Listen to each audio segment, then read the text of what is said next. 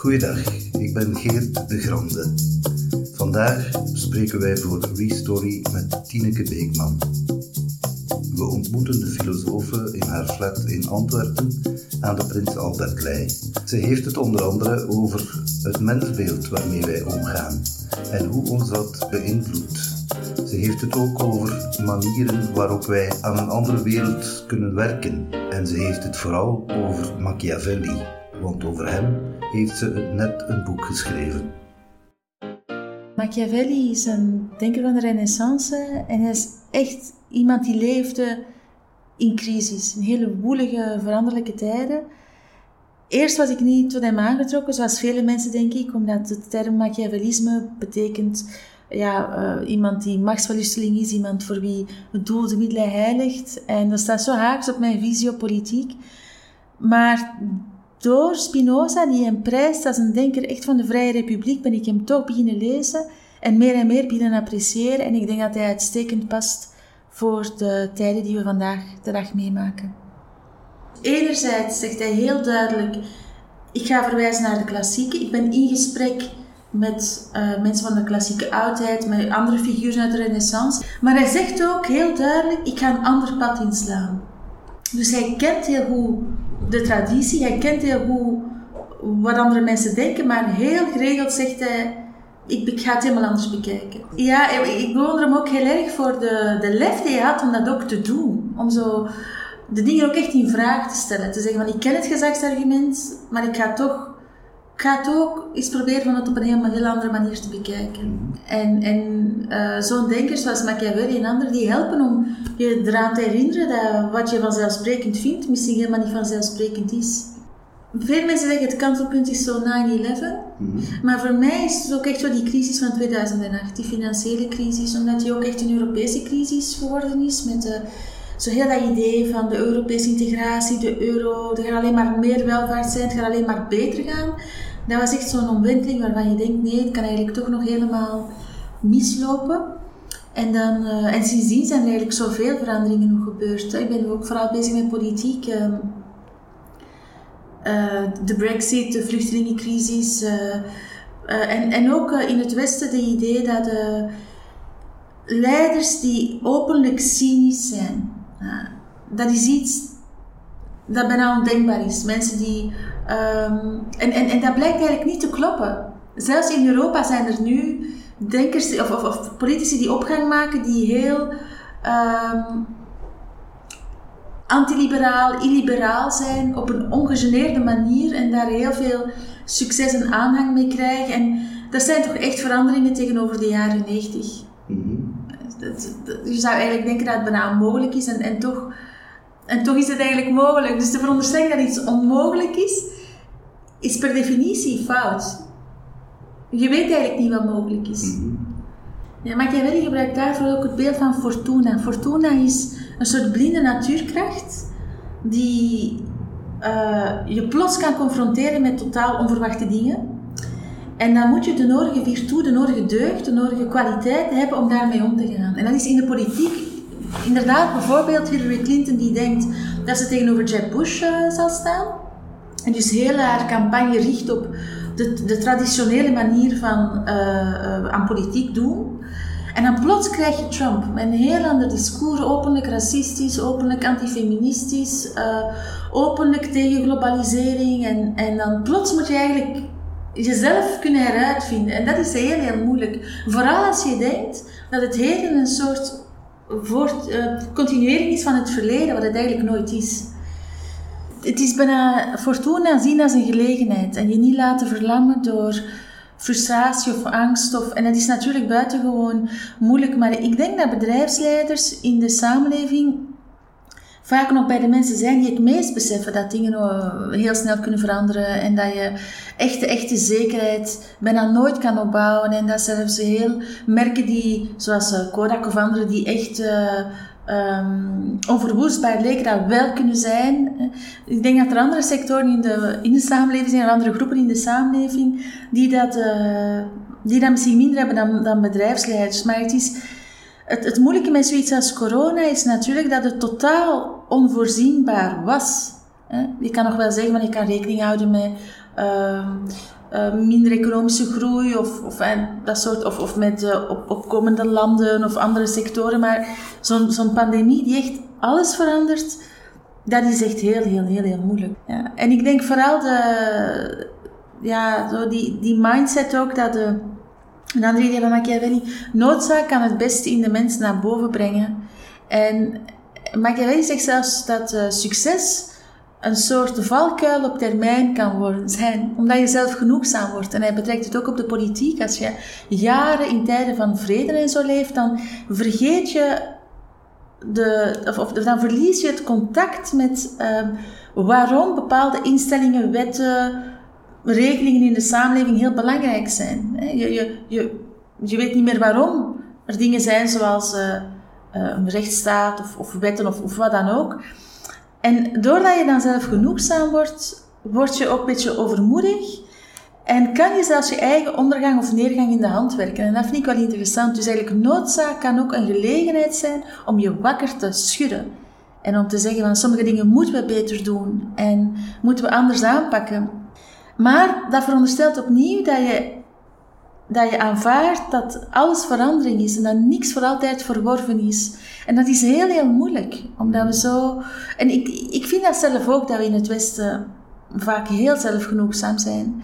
Over, uh, over de vrijheid die dat we hebben en over de luxe die dat we hebben. En dat genereert ook een gevoel van recht op. Ik heb een recht op... Oh, nu kan ik niet meer op vakantie gaan. Ja, maar ik heb toch het recht om het vliegtuig te nemen naar uh, de Caraïben of naar waar dan ook. En, uh, terwijl dat allemaal gewoon niet waar is. Je hebt vanuit de natuur, vanuit vanuit de wereld, vanuit het leven zelf, eigenlijk heb je helemaal geen recht. Je kan wel mogelijkheden creëren om dingen te doen, maar dat is eigenlijk geen enkele verworvenheid. En dat is iets wat we vandaag heel fel beleven.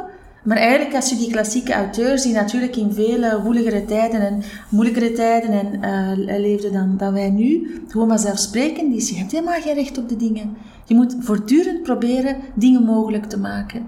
En als het mislukt, dan is het zo, dan probeer je gewoon opnieuw. Geen enkele garantie op succes. En dat klinkt heel hard, maar ik vind dat ook geweldig bevrijdend. Dus ik vind zo'n auteur als Machiavelli, dat is heel... Dat is heel... Uh, aan de ene kant heel ontmoedigend, want die leefde echt wel in tijden met psychopaten en narcisten aan de macht. Ik kan echt moeilijk voorstellen hoe onzeker dat het was voor die mensen. Maar tegelijkertijd die focus op wat je wel kan doen en die, die poging om dat allemaal wel te doorgronden, daar gaat ook een enorme energie van uit. En dat geeft mij dan energie. Daarom vind ik het ook heel, heel fijn om daarmee bezig te zijn. Nu, pas op, ik ben ook helemaal voor die individuele vrijheid, want ik ben ook westers in dat opzicht. Ik vind ook dat ik zelf dingen moet kunnen kiezen en zo. Maar ik denk dat het daar uh, veel vanzelfsprekender is dat je de dingen ook op langere termijn kijkt, bekijkt. En dus dat je niet meteen de vruchten plukt, maar dat je heel hard inspant voor, voor een succes op langere termijn. Terwijl wij heel ongeduldig zijn geworden. Hè. Je moet meteen de resultaten zien. En als je vandaag tegen mensen zegt van oké, je mag één week, twee weken, een maand niet feesten, niet samenkomen met familie, niet. Je ziet hoe ongelooflijk moeilijk dat is. Terwijl een week, twee weken, een maand, zelfs zes maanden, is toch niks. Zeker als je dat vergelijkt met vorige generaties die oorlogen hebben meegemaakt en die meteen zouden getekend hebben voor de ontberingen waar we nu voor staan. En toch krijg je het bijna niet uitgelegd aan sommige mensen dat ze iets moeten opgeven. Dus ik denk dat het vrijheid als ik wil ongehinderd doen waar ik recht op heb of meen recht op te hebben, dat is echt een beetje doorgeslagen en uh, maar dat, dat, zal zich uiteindelijk wel corrigeren, want de toestand is zodanig dramatisch dat het wel zal inzinken dat het, dat, dat, dat eigenlijk ook niet houdbaar is. Mm-hmm. Zo, wat Machiavelli dan roem noemt, maar roem betekent ook een soort erkenning omdat je het ten dienste stelt van de gemeenschap, mogelijk met nadelige gevolgen voor jezelf. En dus dat is uh, wat hij in, uh, bij de Romeinen, in de tijd van de Romeinse Republiek, waren er figuren die zich inzetten voor en dan een soort roem of een soort succes hadden. Maar dat was heel erg gedefinieerd vanuit wat je betekende voor anderen. Hij heeft het niet over het keizerrijk met al die gekke figuren, maar over zo het hoogtepunt van wat hij zegt, de Vrije Republiek. Terwijl bij ons succes, roem, beroemdheid, uh, financieel succes, uh, dat, dat zijn natuurlijk wel bepaalde aspecten van succes. En dat is menselijk ook begrijpelijk dat, dat je daar naar kan streven, maar Ik denk dat het inderdaad uh, tijd is om, om oog te hebben voor andere soorten verdiensten. Mm Want daarover gaat het. Wanneer ben je verdienstelijk en wanneer ben je het niet? En een van de opmerkelijke dingen van deze tijd is dat mensen soms heel veel succes hebben, geweldig veel erkenning, en niemand weet wat hun verdienste is. Niemand weet eigenlijk wat die mensen ooit gedaan hebben van talent of, of veranderen. Of, eh, Kim Kardashian is een heel uh, eenvoudig voorbeeld. Echt uh, miljoenen verdienen over heel de wereld bekend en niemand weet. En dat is iets dat, dat alleen vandaag de dag het geval is. Dat is eigenlijk nog nooit het geval geweest. Het is altijd, waren er wel wisselende, wisselende kwaliteiten, maar helemaal geen. En ik, ja, ik vind dat heel... Uh, dat is een heel leeg concept, denk ik. Ja, ja dat is helemaal het, uh, het narcistische tijdperk eigenlijk. Hè. Alles ten dienste van mijn ik. geen enkel... Ook, ook, geen respect voor de waarheid, voor waarachtigheid, nog maar als poging. Als ik erin slaag om een beeld van mezelf op te hangen als super, super bekwaam, al ben ik totaal onbekwaam, dan heb ik dat goed gedaan. Dat is dan een succes voor mij. Maar dat dateert natuurlijk volledig op een heel aantal mensen in de samenleving die niet zo zijn. En dat hangt ook een beetje samen met, met die, dat idee van verdiensten. Um, ik denk dat het onhoudbaar is om. Um, ik zal het anders zeggen. Ik denk dat we in een samenleving leven waar mensen er vaak in slagen om zichzelf op de voorgrond te plaatsen, los van hun eigen talenten, bekwaamheden, inzet, een beeld op te hangen van een soort bekwaamheid die ze eigenlijk niet hebben en als je dat natuurlijk beloont, terwijl die mensen, zoals de mantelzorgerij waarover dat je het had, die in de schaduw werken, de mantelzorger, de buschauffeur, de verpleger, de, uh, de postbode, eigenlijk al die mensen die op een stille, integere manier hun werk doen en ook de boel doen draaien, als je daar geen aandacht voor hebt, dan, uh, dan krijg je een samenleving waar de mensen die heel veel aanzien, prestige en verdiensten krijgen, het eigenlijk vaak niet verdienen. En, en heel veel anderen totaal gedemotiveerd geraken om nog te doen wat ze doen. En dat is ook iets dat we vandaag de dag zien. Dat mensen zijn, de mensen die bij de vorige lockdown, in de vorige crisis, uh, hebben draaiende gehouden, hebben leefbaar gehouden, ja, die zijn totaal, totaal ontmoedigd. Want die hebben niet een gevoel dat ze bijzonder veel erkenning krijgen, of veel financiële vergoedingen, of rust, of respect en empathie voor wat dat ze allemaal doen. Maar die moeten het maar blijven doen. En ja, die brandstof die raakt natuurlijk op. Ja, je ziet ook uh, burn-out en zo. Dat, uh, dat zijn eigenlijk wijdverspreide fenomenen. En die hebben denk ik ook er precies mee te maken dat mensen geen, geen, geen zingeving meer vinden in hun werk. En dus eigenlijk, ze, ze hebben te veel werk uh, en te weinig erkenning. Ik denk dat dat menselijk gezien heel moeilijk is om dat vol te houden. Um, en over die Extinction, Rebellion. Ik denk ook effectief dat burgerprotest, dat dat, dat dat iets is waar de politiek heel gevoelig voor is. Veel gevoeliger dan dat ze vaak doen uitschijnen. Dus misschien als er betogingen zijn, dat die dat wel een beetje minimaliseren, maar uiteindelijk is in de geschiedenis altijd zo geweest. En dat is ook wat Machiavelli zegt. Het volk moet zich roeren. En in een vrije republiek kan dat ook. Dus politiek draait altijd rond conflict. En je moet ook een manier hebben om dat conflict te beleven. Daar is ook helemaal niks uh, mis mee. Integendeel, dat is denk ik heel, uh, heel belangrijk. Die bedrijfsleiders, ja, ik denk dat ook daar de overheid dan een grote rol speelt om niet te blijven beleid of beslissingen stimuleren die eigenlijk op termijn niet, niet, uh, niet duurzaam zijn. Dus ik denk dat de overheid daar ook wel een grote rol heeft. Maar dan natuurlijk de politici, hè, dat is eigenlijk vandaag de dag toch wel een groep waar veel mensen in ontgoocheld zijn. En ik denk ook wel terecht, omdat ik vaak de indruk heb dat het campagne voeren, dat ze daar heel goed in zijn. Maar beleid, verantwoordelijkheid, lange termijn, dat dat veel moeilijker is. Of anders gezegd, ook daar is er een beloning voor wie het felst en het beste campagne voert. En Bolsonaro is daar een extreem voorbeeld van. Maar Boris Johnson of maar ook, ook in eigen land, in alle landen, in alle westerse landen ook. Degene die via sociale media, andere media, uh, door anderen te schofferen of door zich helemaal een bepaald beeld van zichzelf op te werpen, kun je wel campagne voeren en veel macht verwerven in de zin dat je, dat je verkiezingen kan winnen. Maar dan komt er natuurlijk ook nog op aan van op langere termijn en langer dan de volgende kiescampagne een beleid uit te stippelen. En dat gebeurt veel te veel te weinig, denk ik. De legitimiteit van je positie hangt ook af van hoe nuttig je bent, ook naar de toekomst toe. In plaats van te kijken naar welke positie heb ik verworven in het verleden en hoe kan ik die bewaren. En ik denk dat er daar, dat bijvoorbeeld ook jongeren die protesteren, de klimaatmarsen en zo, dat die ook op muren botsen om medestanders te vinden voor hun legitieme zaak.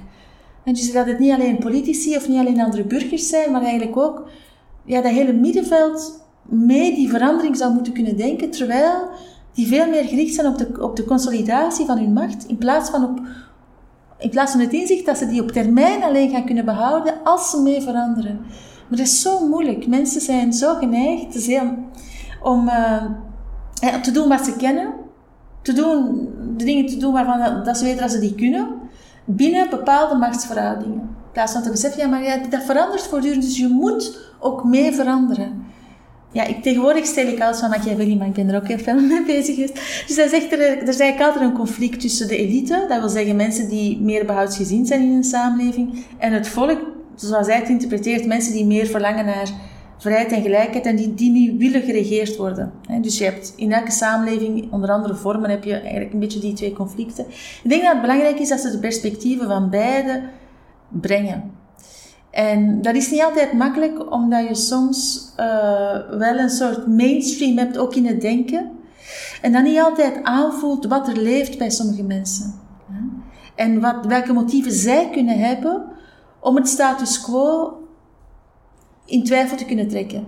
Maar ik denk als je die populisten wilt voor zijn, of als je die wilt, die wilt als je eigenlijk, de, zou ik het zeggen, een soort machtsgreep van leugenachtige figuren wilt tegenhouden, dan denk ik dat je ook heel erg en duidelijker in kaart moet brengen wat globalisering betekent voor de verschillende lagen van de samenleving, uh, wat de dagelijkse inzet en strijd is van, uh, ja, van mensen die het ook moeilijk hebben.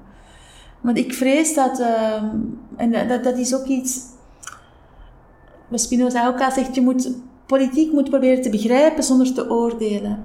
Maar soms kan je zo gedegoteerd of geïrriteerd zijn door evoluties, dat de neiging tot oordelen heel sterk wordt. En veroordelen.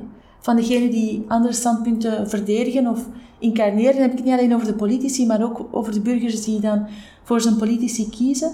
Terwijl het belangrijk is om altijd op zoek te gaan naar ja, wat is hun verhaal, waarmee zijn zij bezig, wat zijn hun bezorgdheden en wat brengt hen ertoe om dingen te doen die totaal irrationeel of destructief of, of onmogelijk of ongeloofwaardig lijken. En ik denk dat het heel belangrijk is om die lijn open te houden. Ook, je, moet, je moet het ook niet goedkeuren, hè? maar je moet het ook niet veroordelen. En ik, ik vind dat, uh, dat er makkelijk een veroordelende toon sluipt en dan, dan keren mensen zich daar helemaal vanaf eigenlijk. Dan zijn ze niet meer, voelen ze zich niet meer vertegenwoordigd en dan, uh, dan heb je eigenlijk ook geen gesprek meer mee. Maar zeker ook de, uh, de academici, uh, want ik ben jarenlang ook academica geweest en ik heb nu het gevoel dat ik veel vrijer ben dan ik toen ooit was. En dat is ook iets wat ik uh, beschrijf in mijn boek. Wat is eigenlijk vrijheid? En vrijheid is ongehinderd kunnen doen wat je wil. Maar natuurlijk, er bestaan ook impliciete vormen van druk. Zonder dat je kan zeggen, ik riskeer effectief die bepaalde straf of die bepaalde repercussie, ontstaat er toch een, een, soort sociale druk. En ik denk dat dat in de academische wereld daar is ondertussen ook al onderzocht en vastgelegd. Dus dat er... Uh, op zich is dat heel menselijk, dat je, je wilt niet degene zijn die, uh, ja, die in een bepaald hoekje terechtkomt. En, uh, maar zo schiet het inderdaad niet op. En ik denk dat veel van de legitimiteit dat academici verloren zijn in het publieke debat, heeft ook precies daarmee te maken. Dat mensen het niet meer ervaren als... Dus het ideaal is wel uh, Zola, J'accuse, het ideaal is wel Julien Banda, het ideaal is wel Sartre en, en zo de, de, de grote tegenstand. En als je met academici praat, dan zien ze vaak ook zichzelf wel zo. Van, ik ben degene die durft tegen de macht, et cetera. Maar het is denk ik een blinde vlek, welke de dynamieken zijn, waardoor je toch altijd een beetje een herhaling krijgt van hetzelfde. Of, of, of in elk geval een, soort spectrum dat vrij beperkt is en waar veel niet meer in doordringt. Ik denk dat dat effectief, uh, ik denk dat dat, denk dat, dat klopt, ja. En uh, ja, hopelijk. Uh, er is onderzoek naar gedaan. Hè? Bijvoorbeeld, uh, kan je over bepaalde thema's. Je voelt gewoon zo dat de vraagstelling eigenlijk al beïnvloed wordt door.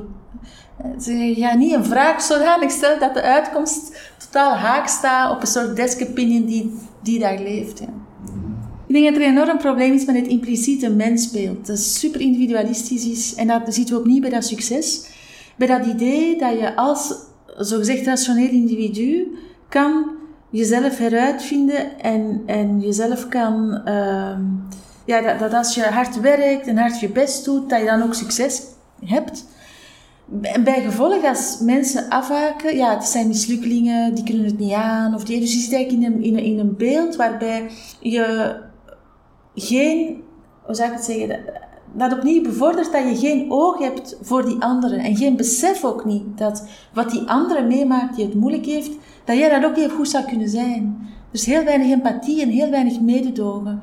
En dus de, de super succesvolle zakenman, die eigenlijk volgens mij ook, wil dat niet psychologiseren, maar ook niet in contact is met zijn eigen kwetsbaarheid of haar eigen kwetsbaarheid geen oog heeft voor die kwetsbaarheid van die anderen. Plus ook het feit dat um, al die onkosten die er zijn, ja, dat is eigenlijk ook voor de belastingbetaler. Al die uitkeringen, al die... Dus je ziet ook in een systeem waarbij dat de, um, de schade die een bepaald economisch model uh, teweeg brengt, opgevangen wordt door anderen. Of dat nu gaat over het milieu, of dat gaat over de menselijke schade.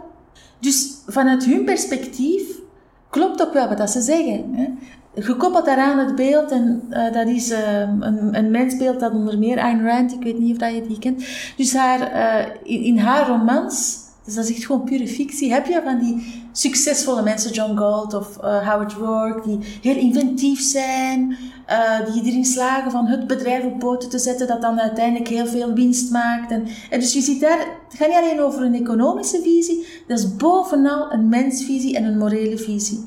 En de idee dat als ik het goed doe en ik ben aan niemand anders iets verschuldigd, dat is ook de nieuwe, de, nieuwe moraal, hè? De, de selfishness, en dat moet iedereen dat maar doen. En geen enkele overheid, geen enkele gemeenschap heeft de legitimiteit om van jou iets te eisen. Dus dat is eigenlijk de overheid die belastingen oplegt, die, die steelt. Of die, dus heel het beeld is erop gericht om, dat, uh, om die individuele kracht te benadrukken wat er automatisch toe leidt dat je bijna gevoelloos wordt voor wie niet mee kan. En die worden ook in, in die romans, heb je dan van die familiefiguren die eigenlijk gewoon mislukkingen zijn en die vragen dan geld of steun. En dan, dan kan, uh, zo, ja, de moraal van het verhaal, dat, dat, je dat toch niet moet doen, want die parasiteren toch maar op de succesvolle helden, op de, de, de, de hele innovatieve karakters. Als je zo'n beeld hebt, dan is het bijna onmogelijk om rekening te houden met wie het moeilijker heeft. En, ehm, en ik denk dat het vooral dat mensbeeld is dat terug veel realistischer moet worden. Namelijk, je bent vrij in de gemeenschap, dankzij anderen. Ik ben ook heel erg voor vrijheid, hè, daar niet van. Maar je moet wel beseffen dat het goed gaat met jou als het goed gaat met de mensen rondom jou.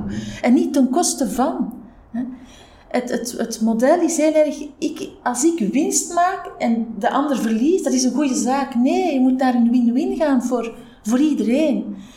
En die omslag die, die moet echt uh, gemaakt worden, want uh, niet alleen in tijden van pandemie en, en qua economie, maar ook wat de natuur en zo betreft, is dat gewoon een, een onhoudbaar model. Dat heeft een enorme meerkost, waarvan degenen die er het meest van profiteren zich er het minst van bewust zijn. Ja. Ik ben het er helemaal mee eens dat de, de manier waarop dat globalisering toelaat dat sommige mensen ontsnappen aan hun verantwoordelijkheid, um, dat dat eigenlijk een van de fundamentele problemen is. Ja ofwel af en toe politici, maar die, die zitten ook heel erg in hun eigen strijd. En ergens, denk ik, menselijk gezien kan je die ook niet zoveel verwijten. Die zitten nu helemaal in een, een model waarbij zij moeten winnen tegenover andere politici. Ja. Maar dat is zo vernauwend. En in België ook die particratie, waardoor dat de idee die een voorzitter heeft, dat zijn de ideeën die de hele partij heeft. Als er in die partij andere mensen zitten met zelfs al hebben die briljante ideeën over andere dingen, het is zo'n kleine groep die beslist wat mogelijk is. Wat, wat, drie, vier mensen van een partij kunnen bedenken, dat, dat is eigenlijk de koers. Dus zo, die zo strikte particratie en de voorzitter die zoveel, partijbestuur zoveel macht heeft, het parlement dat bijna niks te zeggen heeft, uh, ook studiediensten zijn, zijn meestal heel klein en zo.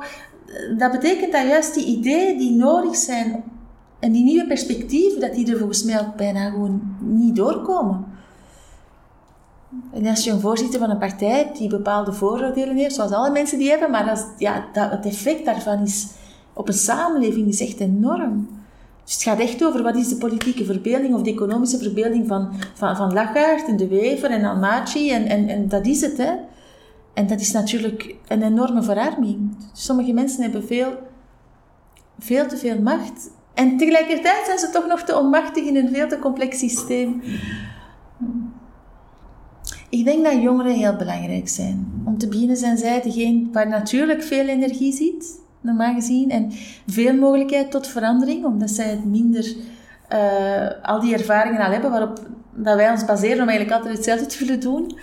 En er zijn heel veel jongeren die ook wel doorhebben dat, uh, wat het klimaat betreft, maar ook de economie en zo, er is eigenlijk ook heel veel pessimisme, denk ik, bij jongeren. Dat idee van een pensioen, dat gaan we toch nooit krijgen. En eigenlijk al die verworvenheden van onze ouders gaan we toch niet hebben. Dus daar zit eigenlijk ook wel een mogelijkheid, denk ik, om, uh, om, om, om hen mee te nemen. Uh,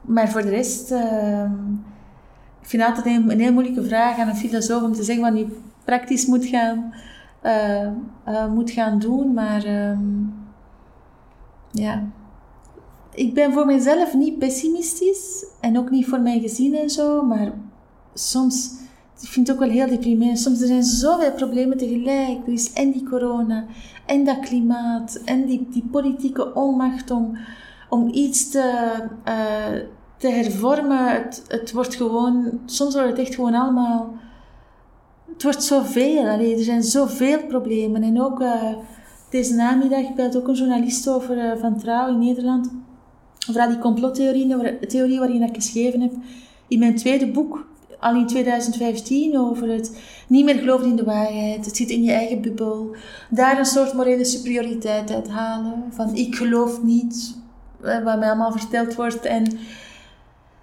en als je ook ziet dat door die sociale media, door die clickbait en door het feit dat, uh, door, door die algoritmes, dat die sommige waanzinnige verhalen zo breder en breder verspreid worden.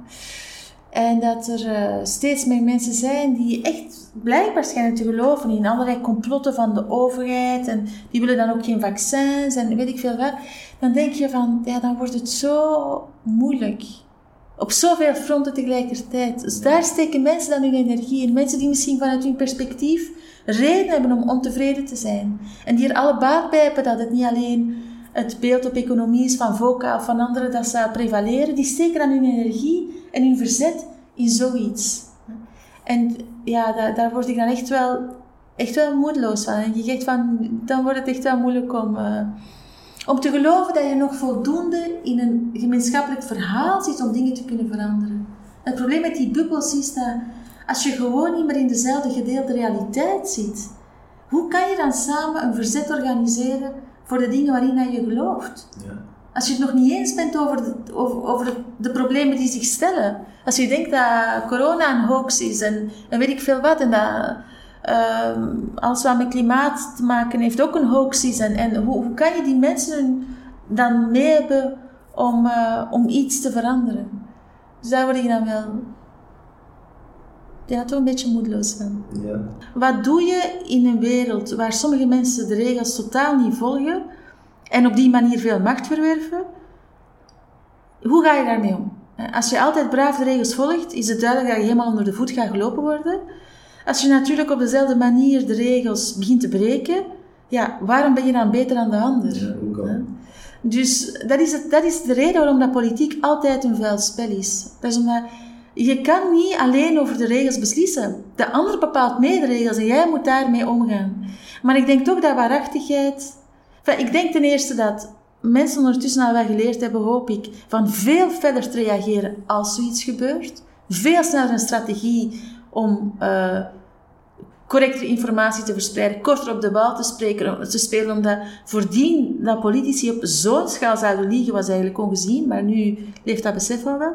Maar ik denk dat je moet blijven de waarachtigheid verdedigen, omdat het anders, anders dan verlies je gewoon uh, waarom je te koer iets politiek zou willen betekenen. En, en ik, ik vrees dat, dat dat bij links ook soms een probleem is. Dat ze ook twijfelachtige strategieën gebruiken. Of, of ten onrechte mensen beschuldigen van racisme. Ik ben volledig tegen racisme, dat moet effectief worden aangekaart. Maar natuurlijk, als je mensen op basis van een uit, uit de context gerukte uitspraak of uh, een soort intentieproces begint, ja, dan ben je eigenlijk ook niet goed bezig. Hè? Want dan, verlies, dan verlies je ook geloofwaardigheid. Dan ben je eigenlijk moreel niet beter dan de anderen. En, um, dus, dus ik denk dat je hard moet zijn en meedogenloos op een bepaalde manier, maar dat je toch over sommige dingen geen compromis mag sluiten. En ik denk dat de waarheid er daar toch, of een, een, een poging tot waarachtigheid, want de waarheid, dat is een, een poging tot waarachtigheid, dat die toch, uh, die, die moet toch echt wel overeind blijven. En dat is ook het verschil tussen een democratie en, en, en elke autoritaire leider of elke leider die neigt naar het totalitaire, het eerste wat sneuvelt, is precies die waarachtigheid. Dus ik denk dat dat echt iets is dat je altijd wel moet proberen te bewaren. Dit was een nieuwe aflevering van de podcast van Restory. Wij danken Tineke Beekman voor haar inzichten. Voor meer verhalen kunt u terecht op de website www.restory.de.